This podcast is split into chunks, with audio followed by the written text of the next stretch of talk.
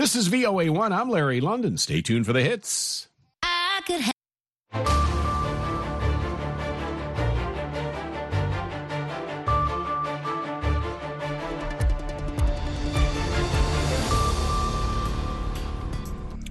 halkani waa washington laanta afka soomaaliga ee v o a oo aad ka dhagaysanaysaan mawjadaha gaagaaban efmida geeska afrika iyo caalamkao dhan oo aad nagala socotaan v o a somaly com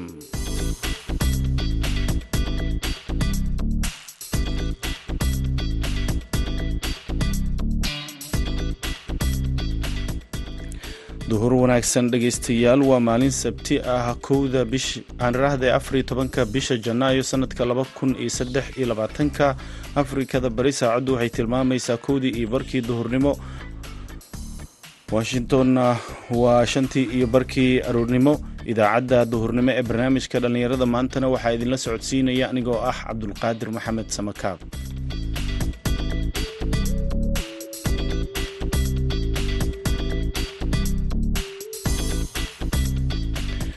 qodobada aad ku dhegaysan doontaan idaacaddeenna duhurnimo. Waxaa ka mid ah dalka kanada oo muddo afar sano ah ay ka socoto nidaam dadka loogu wargelinayo fariin ahaan marka ay jirto xaaladda deg dega ah.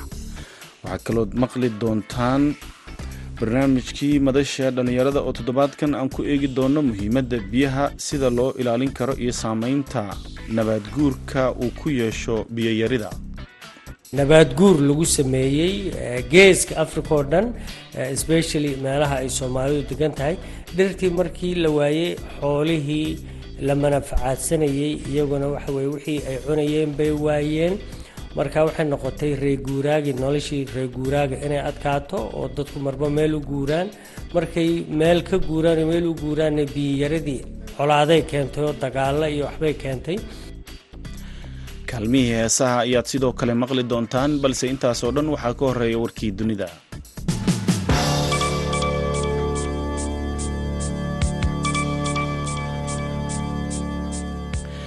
ciidamada hay'adda sirdoonka iyo nabad sugidda qaranka ee nisa iyo kuwa booliska ayaa howlgallo ay xalay iyo saaka ka fuliyeen magaalada muqdisho ku soo qabqabtay kooxo burcad ah iyo hub rasaas iyo waxyaabaha laga sameeyo qaraxyada iyo maandooriye sida ay qortay warbaahinta dowladda. Nisa ayaa degmada dharkeenley waxay ka soo qabatay haweenay gurigeeda ay ku keydsanaayeen hub rasaas iyo waxyaabaha qarxa kadib howlgal qorshaysan oo ay ciidamadeedu sameeyeen sida uu warbaahinta dowladda u sheegay sarkaal ka tirsan hay'adaha ammaanka. Sarkaalkan ayaa intaasi ku daray in ciidamada nisa ay wadaan baaritaano dheeri ah oo la xiriira amniga muqdisho isagoo intaa raaciyey in haweeneyda la soo qabtay loo gudbin doono hay'adaha cadaaladda dhinaca kale ciidamada booliska ee degmada howlwadaag ayaa suuqa bakaaraha ka qabtay rag hubaysan oo ay ku sheegeen inay dhac u geysteen dadka xaafadaha degmada. Ciidamada booliska deegaanka ceelasha biyaha ayaa iyaguna gacanta ku dhigay rag ka ganacsanayay maandooriyaha qaraxyo xiriir ah ayaa ka dhacay magaalada kiev sabtida maanta ah iyadoo uu bilowday dhawaqa digniinta dadka loogu sheegayo inay ka gabadaan duulaanka gantaalada cirka ee lagu qaaday caasimada ukraine. Ku-xigeenka madaxa xafiiska madaxweynaha ukraine kirilo tomoshenko ayaa sheegay in weeraradaasi lagu beegsaday kaabayaasha muhiimka ah ee magaalada. Duqa caasimada kiev vital klitchenko ayaa sheegay in duqeymaha ay ka dhaceen degmada donobroviski isagoo sheegay in gantaalada qaarkood ay ku dhaceen xaafad aan la deganayn oo aagaasi ah waxaana ay sababeen dab ka kacay dhismo halkaasi ku yaalay. Ma jirin wax khasaare nafeed ah oo la xaqiijiyey sida ay qortay wakaaladda wararka ee associated press duulaanka ruushka ee ukrein oo soo bilowday afarlabaatankii februaayo ee sannadkii hore ayaa socda bishii koob iyo tobnaad wuxuuna geystay khasaaro fara badan iyadoo magaalooyin fara badan oo ukrein ay dhibano u noqdeen duqeymaha ruushka. Dhegeystayaal warkeenii dunidana waa nageynta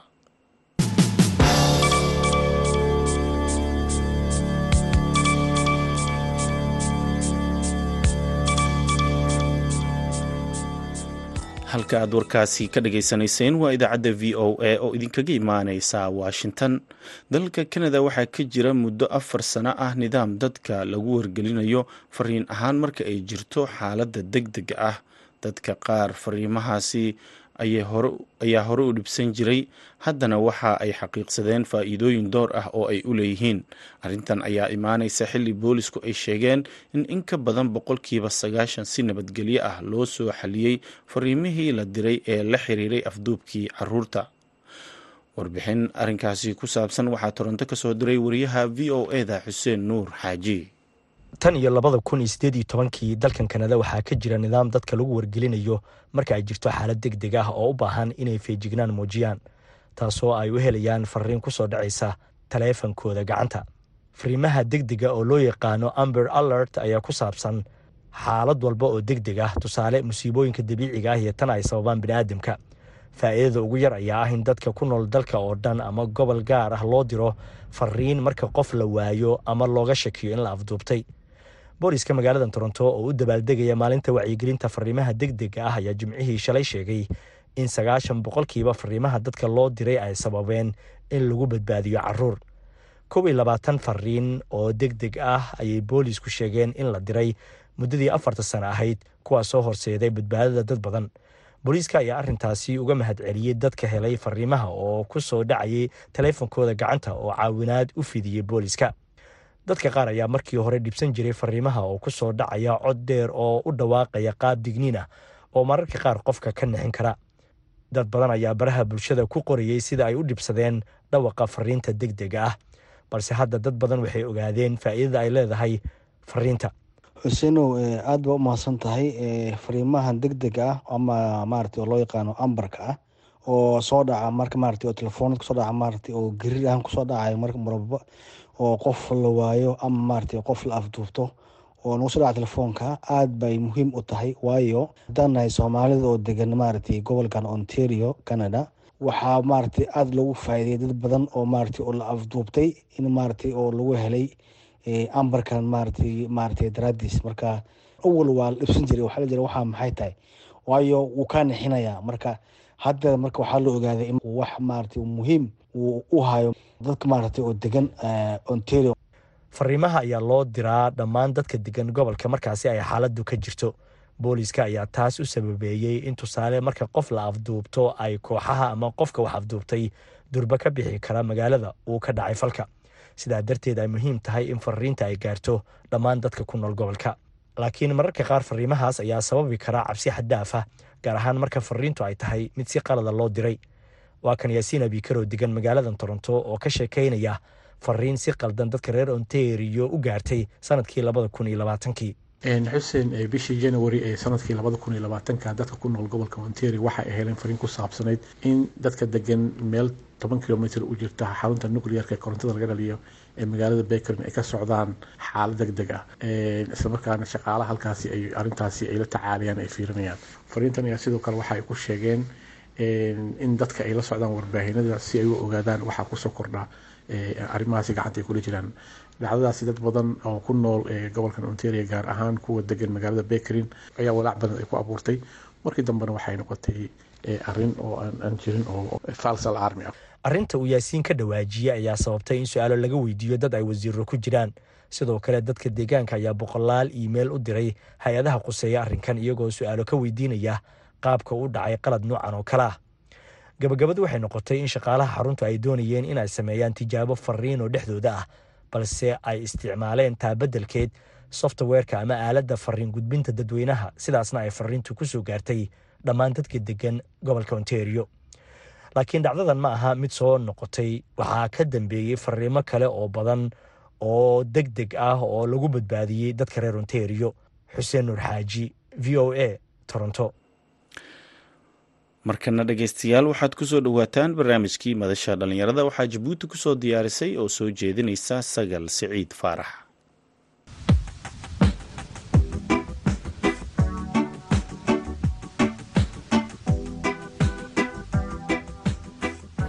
Kulan wacan oo wanaagsan dhegaystayaal dhammaantiinba ku soo dhawaada waa mar kale iyo barnaamijkeeni madasha. Oo hadahan oo kale maalin walbo sabtiya aad ku dhagaysataan barnaamijka dhallinyarada maanta toddobaadkan barnaamijkeena badasha waxaynu kaga hadlaynaa biyaha iyo muhiimadooda sida ugu wanaagsan ee biyo loo kaydin karo iyo sidoo kale caafimaadka biyaha iyo sida loo ilaaliyo. Waxaana barnaamijka igala qeybgelaya faysal cali xaashi oo ah khabiir ku takhasusay dhinaca biyaha iyo ammaankooda. Waxa uuna faysal la shaqeeyaa hay'adda u s aid oo uu kala shaqeeya dhinaca biyaha deegaanada soomaalida gaar ahaana deegaanka etoobiya waxaana faysal ka wareystay bal biyaha iyo abaaraha iyo sidoo kale sida ugu wanaagsan ee biyo soomaalidu ay u kaydsan karaan. Isagale waad mahadsan tahay. Abaarta iyo biyo la'aantu isku xiran yihiin. Biyuhu de marka ugu horeysa waxay ka yimaadaan cycle bay maraan hawada dhirta ayaa hawada cirka u dirta iyagoo roob ahaana ayay noo soo noqdaan marka dhibaatooyinka abaaraha imanka kenya waxa weye dhirtii oo la jaray oo nabaad guur lagu sameeyey geeska africa oo dhan especially meelaha ay soomaalidu degan tahay dhirtii markii la waayey xoolihii la manafacadsanayey iyaguna waxa weye wixii ay cunayeen bay waayeen marka waxay noqotay reeguuraagi noloshii reeguuraaga inay adkaato oo dadku marba meel u guuraan. Markay meel ka guuraan meel u guuraanna biyoyaradii colaaday keentay oo dagaalo iyo waxbay keentay. Marka biyo la'aantu iyo abaartu waa isku mid intay. Mar haddaad biyo weydo waa abaar. Definitionku waa sidaa marka haddii markii dadka roobka u da'aan oo kale haddii biyo la kaydsado oo laga yaabo hadduu roob muddo da'in laakiin roobakii hore da biyahooda la kaydsado taas taas dadka maxaa inta badan ma dhaqaalo badan bay u baahan tahay maxaa dadka hortaagan maadaama tahay khabiir dhinaca biyaha waad mahadsantahay sagaley waxa weeye roobku markuu dao marmar berigii hore roobku waktiyuu di'i jiray bilooyin buu di'i jiray gu iyo xagaa bay ahayd iyo jiilaal laakiin imanka hawe isbeddelka cimilo isbeddelka imanka wixii o dhan way isku wada dartay. Roobabkii ama way yaraadeen ama markay da'aan xoog bay u da'ayaan oo la manafacaadsan maayo. Abaaruhu berigii hore haa toddobadii sano tobankii sanaba mar bay dhici jireen laakiin iminka labadii sanaba saddexdii sanaba mar bay dhacaan. Marka waa runtaa waa in biyaha la kaydsado waxaa jira cilmi cusub oo eriyadeenna iminka ka jira oo hafiir dhaamiska la yiraahdo oo ah dhaamam waaweyn oo ilaa boqol kun ilaa laba boqol oo kun oo mitr oo biyo a qaadi karaya oo lagu gaari karayo roobka roob ha marka haddii taa la samayso wax wanaagsan laakiin imika waxaad moodaa dhaqaale darro awgeed inaan hafiir dhaamiskaas aan la samayn karin. Somalilan mid baa laga sameeyey sannadkii hore roob badan baa sanadkan galay. Waanu eegi doonaa waa degmada ma wuu dhammaaday wuu shaqeeyaa.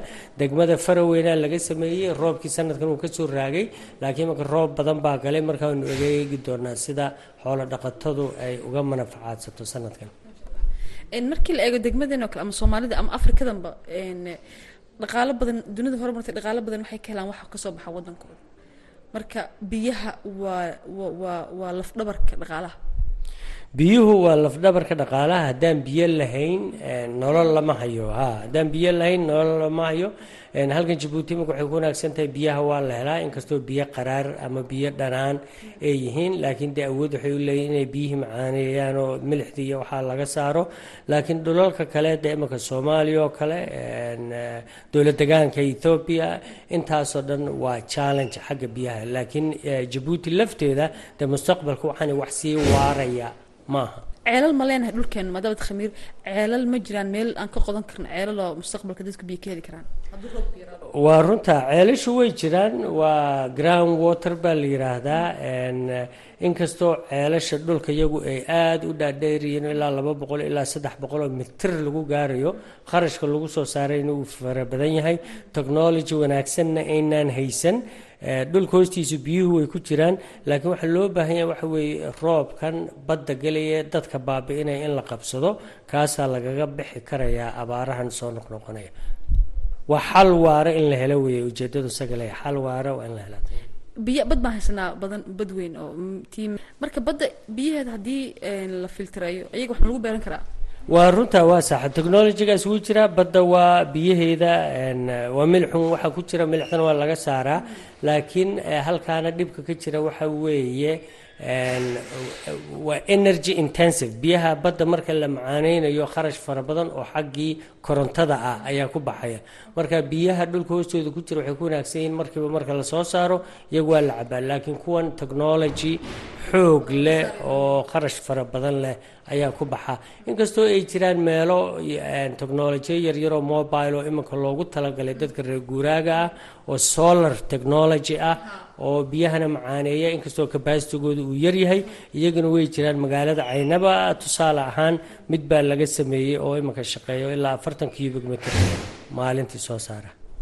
Hadda u s aid oo kale ma jiraan waxaad biyaha ka qabateen oo soonahan biyaha aad baan nooga shaqeynaa imanka mashruuc baa soo socda aan anigu madax ka ahay. Sanadka cusub bilaabmi doono loogu talagalay dhulka hoose ee dowladda dowlad degaanka soomaalida ee etoobiya dhulka soomaalida etoobiya dhul weyn baan ku leenahay.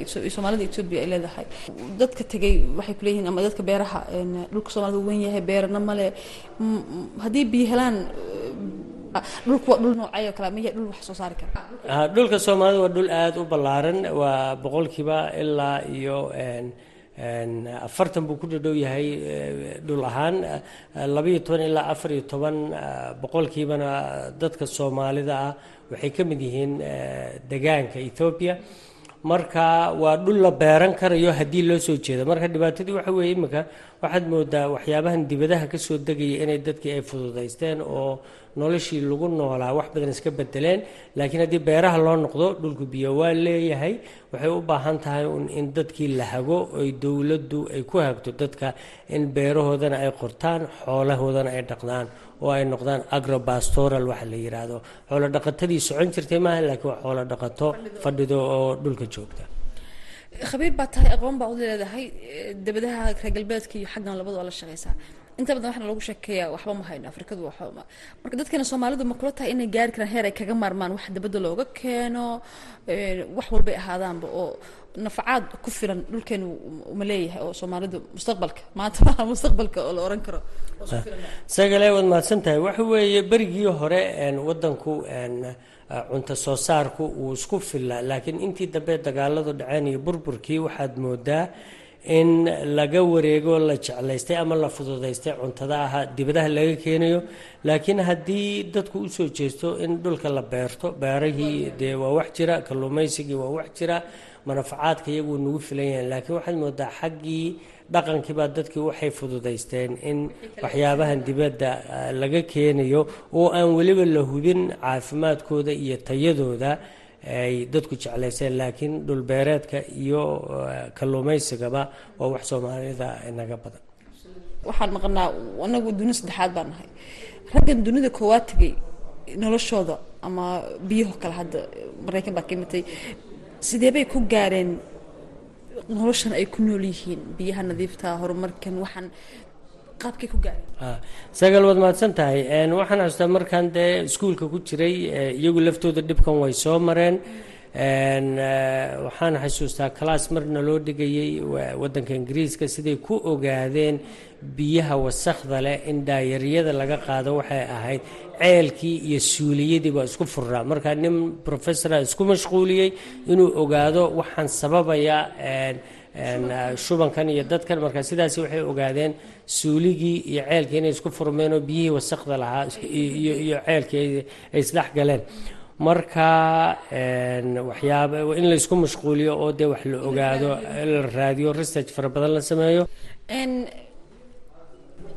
Intaad ka shaqeysa dhulka soomaalida oo khabiir ahaan dhinaca biyaha iyo cimilada waxyaabihii kugu yaab badnaa oo is tiraahdo war waxaan dadkaygu dhibkan ma jira maxaa ka mid ah wallaahi dhibku waa fara badan yahay waxaanu akhrinay iyo waxaanu aragnayba. Arinta iigu cajiibka badneed waxay ahayd maalin maalmaha ka mid aanu assessment sameynaynay dhulkaas somalilan berigeeda weliba. Waxaanu u tagnay qolo ceelashaanu eegayna ceel soolar ku xiran oo dee si wanaagsan u shaqaynayay. Waxyaabihii ugu cajiibka badnaa waxay ahayd ninkii ceelka hayay oo ceelkii ku dul fool dhaqanaya ama cagihiisa ku mayraya ama intuu ku joogsaday saxaradii xoolaha intuu ku joogsaday ayuu biyihii uu isaga mayray ceelkii dib ku noqonaysa marka haddana biyaha waa biyo la cabayo dee dadkii ku soo noqonay marka waxyaabaha igu cajiibka badnaa taas maxaad ku tirahdee markaad aragtay mala hadashay? Waan la hadloon u sheegay laakiin dee waxay u baahan tahay wax intaa ka fara badan. In dadka loo sheego biyahan waa biyihii la cabaya waa in la ilaashado waa in saxarada laga eego maxaa yeelay dhaayeeryada iyo waxaa la sheegayo waa saxaro biyihii soo raacdeen. Wax kale ma weliba taasi waa saxarada bini aadanka kani saxaro lo ama geel bay ahayd. Ha bakteeriyada xanuunadan wax laga qaado waa saxarada marka biyuhu soo raacaan barbalemka waxa keena. Ha waxyaabahan waterborne diseaseska la yidhaha inta badan waxaa keena waa saxaradii oo biyihii dib u soo gale oo dadku ay cabeen biyaha haddii la diiriyo bakteriyada way ka dhimantahay laakiin inta badan iyo dadku ama waa cabayaan ama waxbay ku weelkii bay ku meyranayaan marka sidaasay ugu soo noqonaysa marka saxarada aad daayariyada iyo waxyaabaha water shubanka waterborne diseaseska la yidhaahdo dhan waa biyaha aan nadiifta ahayn ayaa laga qaadaa soomaalidu dhaqan bay leedahay. Waxay ka oranayaan bismillah baa eriyo ilaahay baa iga badbaadinayo. Oo waxay arkaan ba iska cabaan waxay ka oranayaan biyo gal yar iskaga jiro wixii rabaan galeen. Marka dhaqanka la garanaysaa bis bisinku wuu wanaagsan yahay laakiin biyuhu dee dhowr marxaladood bay maraan. Cuduradana inta badan adduunka saddexaad oo dhan soomaalida qorama adduunka saddexaad oo dhan cudurrada dadka haysta waa waterborne disease waa biyaha oo aan nadaafad ahayn. Waa biyaha wasakda leh oo la cabayo ama wax lagu karsanayo ama cuntadiiba lagu dhaqayo marka biyihii dabkii haddii la saaro wixii ku jira dhibaataha ma ka baxayaan? Ha biyaha marka la diiriyo sagale waxa weeye one minute haddii si wanaagsan loo diiriyo waxa liya wixii bacteria ku jira way ka baxaan. Laakiin biyihii la diirin maayo iyadoo sideeda ama ceelkii ama barkadii ama weel nadiif leh ama weel aan nadiif ahayn baaba la darayaa. Marka halkaa waxaa ka imanaya contamination wax la yidhaahdo oo dee shubankan laguu sheegayo waa waxyaabaha wey waa biyaha nadiif ahayn. Caruurta ugu badan carruurta waxaad arkaysaa qoys reerkii dhan shumaya ilmo yaroo dhakhtarada waxaad arkaysaa biyahay siiyaan ama biyo aan daboolnayn oo kale jirgaamadii iska furan ama wixii biyo ku jirana furan. Marka haddaad tala siiso waalidka kale waad fahmi karaysaa waalidka hooyooyinka oo kale maxaad oran lahayd? Talada waalidka la siinaya waxa weye carruurta kuwa sanadka ilaa shanta sano wixii ka yar inta badan dhibaatadooda waa biyaha wasaqda leh. Marka biyo wasaq la cabaana ilmihii waa dhacaan baxaya ama uu fuuq baxaya. Markuu fuuq baxana dee waa nafaqo lagu soo celiya la heli maayo. Marka muhiimadda ugu horreysa waxa weeye in carruurta biyo nadiifa la siiyo.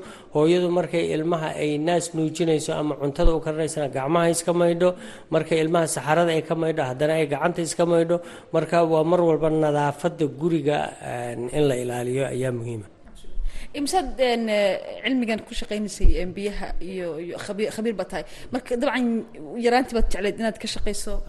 Wallaahi waxyaabaha igu kalifay waxa weye waxaan xasuustaa yaradaydii gabadha walaashay biyaha dooni jirto afarta abeennimo intay doonto. Dee caag labaatan litira dooxa ka soo shubi jirtay marka iminka wixii markaan dee dib u eegay waxa weeye afartan sanood dabadeed weli dhibkii waa taaganya afartan dambena waa taagnaan doonaa. Marka iminka waa wacyigelin dadka loo sheegayo dhibaatada biyola-aantuna inta badan dumarka iyo caruurtay ku dhacdaa. Research la sameeyey unicef samaysay waxa weeye dhibaatada biyola-aanta ama iyagaa dhaamiya ama iyagaa doona ama maamulka biyaha ama dhaqaalihiiba iyagaa u haya ha marka biyola-aantu waa dhib jira waxaana loo baahan yahay siyaasad lagaga hortago biyo la'aantan dhalinyarado kale u s maxay u qabataa dhalinyarada u s aidka waxyaaba badan bay u qabataa maxaa yeele iminka cimilo isbedelkan laga hadlayo waa waa sidii loo suurtagelin lahaa in dee noloshan aan waareynin sidii loo joojiyo. Marka mustaqbalka iyo carruurta soo socota waxaa loogu talagelayaa adduun wanaagsan oo ay ku noolaadaan in iyagana loo sameeyo oo aan dee maaragtay environmentkii laga qaribin dhulkii laga qaribin inagu dee waqti wanaagsan baanu qaadano wax walba ay diyaar yihiin laakiin de futureka soo socdana in wax loo loo reebo. Guud ahaan waa naga intaa dhegaystayaal barnaamijkeenii madasha. Toddobaadkan waxaa martii igu ahaa oo igala qeybgelayay faysal cali xaashi oo ah khabiir ku takhasusay dhinaca biyaha iyo ammaankooda iyo sidii loo kaydsan lahaa ama guud ahaan arrimaha biyaha waxaana barnaamijka idiin daadihinaysay anigoo asaka siciid faarax tani intaynu mar kale barnaamij noocani oo kalea ku kulmi doono haddii eeba eebaha awoodala laga helay. Inta ka horeysa nabad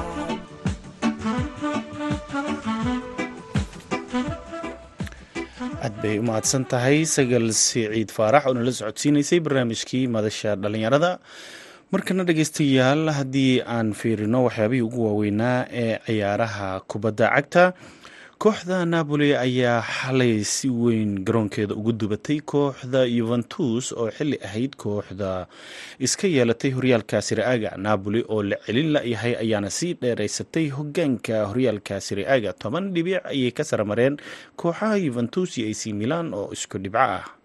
Shan gool iyo gool ayayna napoli kulankaasi ku badisay goolasha laba ka mida waxaa u dhaliyay ciyaaryahankooda ozamen halka goolasha kale ay kala dhaliyeen markaasi xidigaha kale ah ilmas raxmani iyo weliba kafaratasheli laakiin goolka keliya ay la timid kooxda yuventus waxaa u dhaliyay ciyaaryahankooda dimaria dhinaca dalka ingiriiskana kulan adag ayaa goordhow la ciyaari doonaa. Saacad iyo bar ayaa kulankaasi ka dhiman waxaana u dhexeeya labada kooxood ee isku magaalada ah ee manchester united iyo manchester city. Kulankii u dambeeyey ee labadan kooxood ay yeeshaan wuxuu ka dhacay garoonka kooxda manchester city lix gool iyo saddex ayayna city ku badisay. United oo maalmahan dib u soo wanaagsanaanaysa ayaase doonaysa inay garoonkeeda kaga aargudato kooxda manchester city.